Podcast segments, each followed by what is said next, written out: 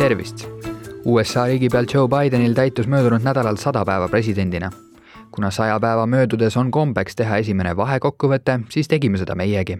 saates oli külas ajakirjanik Merili Arjakas, mina olen Martin Kuti. intervjuu on pärit saatest Välispanoraam, mida on kogupikkuses võimalik vaadata Postimees tv vahendusel. head kuulamist! Jätkame Joe Bideni esimese saja päeva teemadel ja minuga on stuudios liitunud kolleeg Merili Harjakas, tere. tere.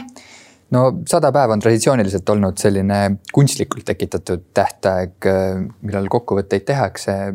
me mäletame, et eelmine president Donald Trump oli väga huvitatud enda toetusreitingutest, kindlasti on seda ka Biden. aga kuidas Bideni populaarsust võiks esimese saja päeva järel hinnata? Kuna sa tõid juba mängu eelmise presidendi Donald Trumpi, siis võrreldes temaga saab öelda, et Biden on populaarsem.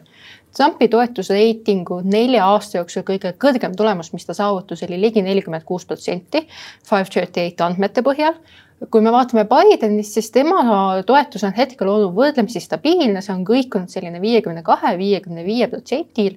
enamasti midagi viiekümne kolme ja viiekümne nelja vahelist, et kui vaadata, ütleme eilset seisu, tänast seisu, siis on see praktiliselt sama kui kahekümnendal jaanuaril, kui ta ametisse astus.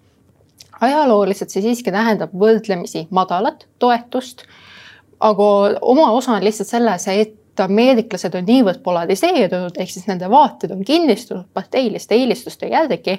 ehk siis, kui me vaatame ajalugu, siis seal Kennedy ja Eisenhower olid ligi seitsmekümne protsendise toetusega ametisse astudes, kus nad hakkasid kukkuma. noh, võib eeldada, et Biden järgmise nelja aasta jooksul, kui just ei juhtu midagi täiesti noh, erilist või midagi sellist, sellise skaalaga sündmust, nagu oli nine eleven, siis me võime arvata, et tema toetusnumbrid jäävad suhteliselt stabiilseks. osaliselt annab sellest märku ka lihtsalt see, et kui vaadata parteilist jagunemist, siis Bidenit toetab hetkel üheksakümmend kolm protsenti, üle üheksakümne protsendi demokraatidest, aga vabariiklaste seas on see protsent umbes kaksteist ehk siis väga suured käärid no koroonaviirusega võitlemine on olnud Bideni esimese saja päeva prioriteet ja see, mille järgi teda ilmselt ka kõige rohkem praegu hinnatakse. võib ilmselt öelda, et plusspunktid lähevad tema administratsioonile selle eest. mis on koroonaviiruse vaates olnud see peamine eduvõti? no kõige suuremaks eduvõtmeks on kindlasti olnud vaktsineerimine. Biden astus ametisse lubadusega anda välja sada miljonit koroonavaktsiini süsti saja esimese päeva jooksul.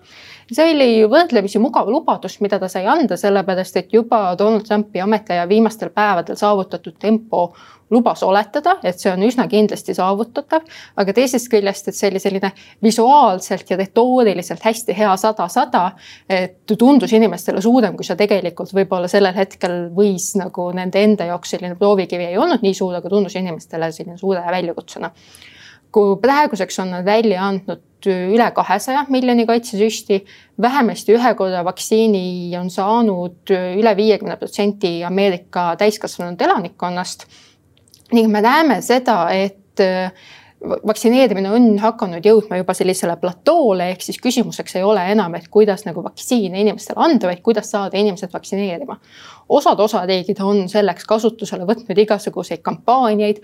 Mm, teame seda, et noortele inimestele antakse välja osariigi võlakirju või siis sellised kampaaniad, et tule tee vaktsiini, me anname sulle nagu viinapitsi või mingisuguse šoti, et shots against shot. et selles mõttes eh, nad üritavad saada rohkem inimesi vaktsineerima see on kohati poliitiline konflikt või poliitiline küsimus, sellepärast et mingid suured vaktsiiniskeptikute rühmad on need, kes on pigem vabariiklaste valijad. ehk siis ma ennekõike mõtlen selle all valgeid evangeelseid kristlasi, kelle seas on vaktsiiniskeptilisus kõige suurem teisest küljest me näeme ka seda, et vaktsiinide suhtes on skeptilisemad näiteks mustanahalised, noored, mm, kohati ajaloolistel põhjustel, sellepärast et me teame, et noh, et neil on rohkem põhjust olla riigi tervishoiupoliitika suhtes kahtlev, neil on veel eelmise sajandi jooksul on olnud tehtud palju ülekohut sellega, et neid on kaasatud mingisugustesse meditsiinilistesse uuringutesse ilma nende teadmata näiteks ja teisest küljest, miks mustanahalised võivad olla, võivad, ei pruugi olla nii kõrge vaktsineerimisaktiivsusega kui teised rühmad või valged rühmad on ka lihtsalt sellepärast, et nad elavad sellistes piirkondades, kus elanikkond on vaesem, ei ole võimalik töölt näiteks kõrvale jääda selle jaoks, et minna vaktsineerima. et see lihtsalt logistiliselt on see keerulisem probleem, mida lahendada. mida ta kindlasti veel on teinud, on see, et äh, USA läks tagasi Maailma Terviseorganisatsiooni, millest Trump oma ametiaja lõpus välja tõmbus ja samuti ta kinnistas eelmise nii-öelda vaktsiinitsaari Anthony Fauci jätkamisega selle administratsiooni juures, et oleks mingisugune teatav selline stabiilsus, et inimene, kes on juba varasemalt sellega tegelenud ja kellel lõpuks ei olnud Trumpiga väga head suhted, aga et ta jääks sinna juurde, et ta oskaks nagu valitsusele nõu anda omaette rolli on ka mänginud lihtsalt see, mida teevad osariigid, ehk siis me näeme mingites demokraatide osariikides on väga tõhul, noh, laialdased koroonapiirangud. heaks näiteks on minu meelest New York, kus lapsed läksid esimest korda kooli üle aasta jooksul siin mõni nädal tagasi ehk siis eh, ju väga paljudes osariikides on maskipiirangud, seda tegi ka Biden, kui ta ühe täidesaatva aknina võttis vastu otsuse, et kõikidel föderaalasutustes peab kandma maski. nii, aga hüppame koroonaviiruse juurest äh, rassismi küsimuse juurde. Eelmine aasta mäletame George Floydi tapmise järel puhkesid suured äh, meeleavaldused, rahutused kõigepealt Ameerikas, siis ka mujal maailmas endine politseinik Derek Chauvin on nüüdseks siis äh, süüdi mõistetud, karistust ta veel ootab, aga nagu Biden ise ka ütles, siis see on tegelikult alles algus selle õigluse otsimise juures. aga kas Biden on siis ka kõige kõrgemal tasemel midagi ära teinud senimaani äh, rassilise võrdsuse küsimustes?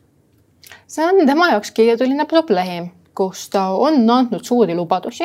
Teataval määral on ta neid lubadusi ka täitnud, nagu on näha, et äh, kui nad võtsid vastu ühe koma üheksa triljoni suuruse koroona abipaketi, millest me pärast saame veel pikemalt rääkida, siis see sisaldas endas, ütleme nii-öelda sisuliselt separatsioone ehk siis väljamakseid mingisugusele vähemusgruppidele, vähemusvormelitele näiteks. Mm, teisest küljest see on asi, mida ta saab teha, sellepärast et see on eelarve küsimus, mida on hetkel võimalik senatis vastu võtta. ehk siis, kui me räägime senatist, siis tuleb arvesse võtta, et vabademokraatidel on seal hetkel õhkõrn enamus, ehk siis senat on jagunenud viiskümmend, viiskümmend ühe ja teise poole jaoks. Kamala Harris asepresidendina võib olla selleks kaalukeeleks, mis annab demokraatidele õiguse otsuseid vastu võtta. teisest küljest USA konstitutsiooni ja üleüldse sellesse poliitilisse maailma on sisse kirjutatud väga palju piiranguid selleks, et enamus ei saaks hakata lihtsalt niisama otsuseid vastu võtma. üheks nendeks on filibuster, mis siis tähendab tegelikult seda, et kui sa tahad senatis praegu midagi vastu võtta, mis ei ole eelarve küsimus, siis sul on väga tõenäoliselt selleks vaja kuutekümmet häält ehk siis kümmet vabariiklast keda neil lihtsalt ei ole, sellepärast et siiamaani ükski vabariiklane ei ole tahtnud mingisugustes seaduseelnõudes Bideni administratsiooniga koostööd teha samuti on küsitluseks mingisugused demokraadid, kelles pigem ei taha Bideniga kaasa tulla, sellepärast et nad on mures omaenda positsiooni pärast. miks ma sellest nii pikalt räägin, ongi lihtsalt sellepärast, et me näeme, et on mingisugused seaduseelnõud, mida alamkoda on läbi hääletanud, kus on demokraatide ülekaal, mis on senatis takerdunud, selle jaoks on näiteks seesama George Floydi politseiõigluse seadus, mis peaks suurendama siis kontrolli politseinike üle ja vähendama sellist ebaproportsionaalset jõukasutust. see ei ole läbi läinud sealt edasi tulevad ka mingisugused relvaküsimused, kus Biden on saanud vastu võtta täidesaatvaid akte, aga ta ei ole saanud mingisuguseid seaduseelnõusid selles osas läbi viia. ning täidesaatvate aktide halb külg on see, et kui järgmine president tuleb, et siis tal piisab lihtsalt ühe allkirja andmiseks ning täidesaatev akt lükatakse kõrvale. erinevalt seaduseelnõust, mis ikkagi on selles mõttes vajab nagu pikemat protsessi, et seda muutma hakata no relvade juurde ma tahtsingi siit jõuda. USA-st tuleb ikka ja jälle teateid massitulistamistest. poliitikas paistab olevat pikemat aega juba seis, kus tragöödia järel räägitakse, et nüüd on väga kahju, peaksime midagi ära tegema, siis see jääb sinnasamma seisma ja nii ongi, et ja niimoodi kordub aastast aastasse, et Biden on ka relvavägivalla vähendamise ühe eesmärgina ära nimetanud, välja öelnud, et kui suur on tema võimalus siis reaalselt midagi ära teha nagu ma enne pikalt seletasin, siis ega tegelikult seda võimalust väga ei ole, sellepärast et tal ei ole senatis neid hääli, mis võimaldaksid tal mingisuguseid suuri eelnõusid hakata vastu võtma. relvade küsimus on tõepoolest, nagu sa rääkisid, tõusnud alati päevakorda siis, kui on mingisugune suur tähelepanu pälvinud massitulistamine see aasta on see lihtsalt saanud isegi veel enam tähelepanu, sellepärast et me näeme, et koroonakriisi saatel vägivaldsus USA-s on kõvasti tõusnud. ehk siis, kui me räägime massitulistamistest, ehk siis olukordades, kus enam kui neli inimest saab surma või haavata, neid oli eelmisel aastal kaks korda rohkem kui aasta varem. samuti juba tegelikult mm, paar aastakümmet on tõusnud relvade ostmine ning eriti just sellised poolautomaadid, täisautomaadid, mis ilmselgelt ei ole mõeldud jahipüssideks miks see on ka teemaks muutunud, on see, et meil on konservatiivse enamusega, ütleks isegi, et ülikonservatiivne ülemkohus ehk siis relvaentusiastide grupid tahavad saada rohkem mingisuguseid kaasusi ülemkohtusse. ehk siis ülemkohus teeks otsuseid selle üle, et kuidas tõlgendada USA põhiseaduse teist parandusettepanekut. teine parandusettepanek annab suhteliselt laia õiguse relva kanda ja hoida seal on teatud tõlgenduslikke küsimusi, sellepärast et see ei ole grammatiliselt korrektselt sõnastatud ja see sai vastu võetud mm, kaheksateistkümnendal sajandil siis ehk siis noh, aeg oli natukene teine, ütleks niimoodi. Äh, aga kui me vaatame, mida see seaduslikult tähendab, on see, et ainuke ülemkohtu otsus, mis on hetkel tehtud selle kohta, on sellel sajandil, on see, et ameeriklastel on õigus relva kodus hoida see ei, rohkem otsuseid ei ole tehtud selle kohta, et kas sa võid relva kanda kodust väljas, kas see peaks olema siis nii-öelda open carry, et kas sa võid seda avalikult tänaval käia või see võiks olla concealed carry ehk siis sa võid seda hoida kusagil peidetuna, aga see võiks sul olemas olla. Um, ja, ja mida see siis tähendab, on see, et osariikide seas me näeme nagu aina suuremaid lahknevusi. on osariike, demokraatide osariigid, mis siis tahavad hakata tegema aina rangemaid relvapiiranguid, ehk siis inimesed ei saaks nii vabalt relva kanda. või peaks olema neil rohkem mingisugust taustakontrolli, on vabariiklaste osariigid, kes seda ei tee aga meil ei ole sellist ühtset föderaalset lähenemist, sellepärast et nagu öeldud, senatis on plokk ees, sellist föderaalset lähenemist vastu võtta ei saa. Biden kindlasti proovib, mina väga ei usu, et tal see läbi läheb, sellepärast et tegemist on sellise poliitiliselt laetud teemaga millele ilmselt siis äh, lahendust võib ootama jäädagi? no pigem me leiame seda lahendust tegelikult kohtust, ehk siis mingisuguse, me teame, et kohtusse on ilmselt juba jõudmas mingisugused kaasused. Äh, kindlasti tahetakse neid saada ning kui kohus teeb otsuse mingisuguse tõlgenduse osas ja laiendab seda kõikidele föderaalvalitsusele, kõikidele osariikidele, siis ükski osariik ei saa selles mõttes öelda, et aga me teeme teistmoodi hüppame nüüd siit siis rahvusvaheliste suhete juurde. oma kõnes kongressile võttis ka Biden päris teravalt sõna Venemaa vastu, Venemaa suhtes, et ja ta on valinud Trumpiga võrreldes tegelikult karmima liini, nõustudes kasvõi sellega, et, et, et Vladimir Putinit võib nimetada tapjaks. millised on need esimese saja päeva signaalid selle kohta, millised Washingtoni ja Moskva suhted saavad siin olema järgmiste aastate jooksul ja ma ilmselt praegu võib öelda, et olukord on viimaste aastate, viimaste võib-olla isegi aastakümnete pingelisim kindlasti on. Mm, saab öelda, et Biden ja tema administratsioon arvab, et viimaste aastate jooksul on Venemaa suhtes oldud liiga leebe osalt on see ka kivi nende enda kapsaaeda, sellepärast et enne Trumpi oli Obama, Barack Obama küll ase, noh, Biden oli tema asepresidendiks, paljud inimesed, kes on Bideni meeskonnas, olid ka Obama ajal, töötasid valitsuse jaoks. ja nad tunnevad, et see, mida Obama ja, ja tema Biden ja tema meeskond toona tegid, oli, oli liiga naiivne, oli liiga lepitustsi lähenemine. ehk siis meil on hästi huvitav olukord, kus üle pika aja meil astub ametisse uus president, kes ei tule sellise suhtumisega, et peaks Venemaaga hakkavad, hakkama lepitust otsima teisalt ei saa öelda, et tegemist oleks ainult sellise konflikti otsiva administratsiooniga. Nad teevad sellist mitmete sõnumite poliitikat. ehk siis ühest küljest jah, väga selgelt öeldakse, et Putin on tapja toetatakse väga tugevalt Ukrainat, teisest küljest ütleb äh, Biden, et me hea meelega teeme Venemaaga koostööd nendes küsimustes, kus me saame. üheks näiteks oli startlepe ehk siis relvastuse piiramise lepe, mis võeti päris kiiresti vastu, õigemini noh, et seda pikendati olemasolevat lepingut. Ähm, Putin osales nüüd Bideni kokku kutsutud kliimakonverentsil ja, ja siin Biden on öelnud, et ta hea meelega teeks Putiniga koos tippkohtumise, Putin on sellest ka väga huvitatud, ehk siis me saame ilmselt lähiajal mingisugust sellist tippkohtumist nägema, noh omaette küsimuseks on koroonatingimused, eks ole. ehk siis see poliitika, mida nad proovivad teha, on selline, et nad väga realistlikult ütlevad, et jah, meil on probleem Putini valitsusega, Venemaa juhtkonnaga, aga me üritame sellest hoolimata teha mingisugust koostööd nendes küsimustes, mida me saame. seda oli näha näiteks sanktsioonide puhul, kus Biden tegi sanktsioonid eh, teatavate Venemaa ametnike suhtes, need ei läinud nii kaugele, nagu ootas näiteks Navalnõi tiim, kes oli esitanud neile pika nimekirja. Nendest ja nendest oligarhidest, et kui te tahate hakata Venemaad mõjutama, et siis kehtestage sanktsioonid nende inimeste vastu. noh, Biden tegelikult võttis sellised ametnikud, kellel ei ole läänega väga palju suhteid, keda see väga nagu ei puuduta, et nende vastu on sanktsioonid kehtestatud, kes pigem võtavad seda nagu auasjana ja kui ta seda tegi, siis Biden helistas enne Putinile, et anda teada, et sellised sanktsioonid on tulemas ning palus sellist proportsionaalset vastulööki.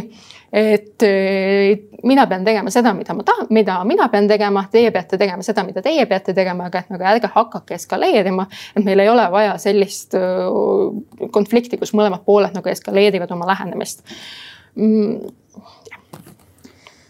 no USA ühiskonna polariseerumine, võtame selle viimaseks ette siin. Äh, selle valusaks näiteks oli, oli Kapitooliumi ründamine jaanuaris. Äh, kuidas me praegust olukorda siis hinnata võiksime, Biden lubas riiki ühendada, kas temperatuur on varasemaga võrreldes madalamaks muutunud või on seda veel natukene vara öelda? selles suhtes temperatuur on kindlasti vähenenud, et piisas juba Donald Trumpi lahkumisest riigitüüri, tüüri juurest, et sellised kõige suuremad pinged maha võtta. me ei pea enam nagu kõige suurematest lehtedest lugema arvamusartikleid, mis spekuleerivad kodusõja võimalusega. Teisalt polariseerumine on väga tugev, saab olema või noh, jätkub väga tugevalt seesama, mis ma enne ütlesin, et äh, ilmselt selleks, et polariseerumine väheneks, oleks vaja mingisugust rahvuslikku katastroofi. et kas äh, nine eleveni suuruse terrorirünnaku mõttes või, või tugev, noh, suur välissõda mingisuguse tugeva vaenlase vastu. senikaua, kuni sellist rahvust ühendavat jõudu või sündmust ei ole, et seda polariseerimine kindlasti ära ei kao seal on, kindlasti on see tugevdatud, ütleme, et kui me vaatame seda polariseerimist, siis miks me oleme nii polariseerunud, on see, et inimeste identiteet on aina enam seotud sellise poliitilise identiteediga ja samal ajal need poliitilised identiteedid on aina kindlamalt ühe või teise partei taga. ehk siis meil ei ole näiteks selliseid konservatiivseid demokraate, nagu oli viie-kuuekümnendatel USA-s. kui sa oled demokraat, siis sa toetad seda, teist ja kolmandat väga demokraatlikku poliitikat ja ei toeta vabariiklikku poliitikuid ning vastupidi kindlasti on seda võimendanud sotsiaalmeedia, mis siis tähendab näiteks seda, et neil praktiliselt igal ameeriklasel on võimalik osaleda poliitilises debatis ja sellele aitab kaasa selline geograafiline ja tutvusringkondlik klasterdumine. ehk siis aina enam on, näeme sellist protsessi, eks, et demokraadid teavad ja suhtlevad peamiselt teiste demokraatidega, vabariiklased suhtlevad praktiliselt peamiselt teiste vabariiklastega. ning kui sul on sellised grupid, kes omavahel suhtlevad, neil on lihtsam mõnes mõttes radikaliseeruda või siis oma vaateid kinnistada ning sa ei kohtu nende teiste inimestega mittepoliitilises nagu olukorras. ja sul ongi lihtsam nagu öelda, et aa, kõik demokraadid või kõik vabariiklased on halvad, sellepärast et sul endal ei ole tegelikult tegelikult nagu su enda abikaasa näiteks ei hääleta teise poolt, partei poolt kui sa ise. aga suur aitäh selle vestluse eest. aitäh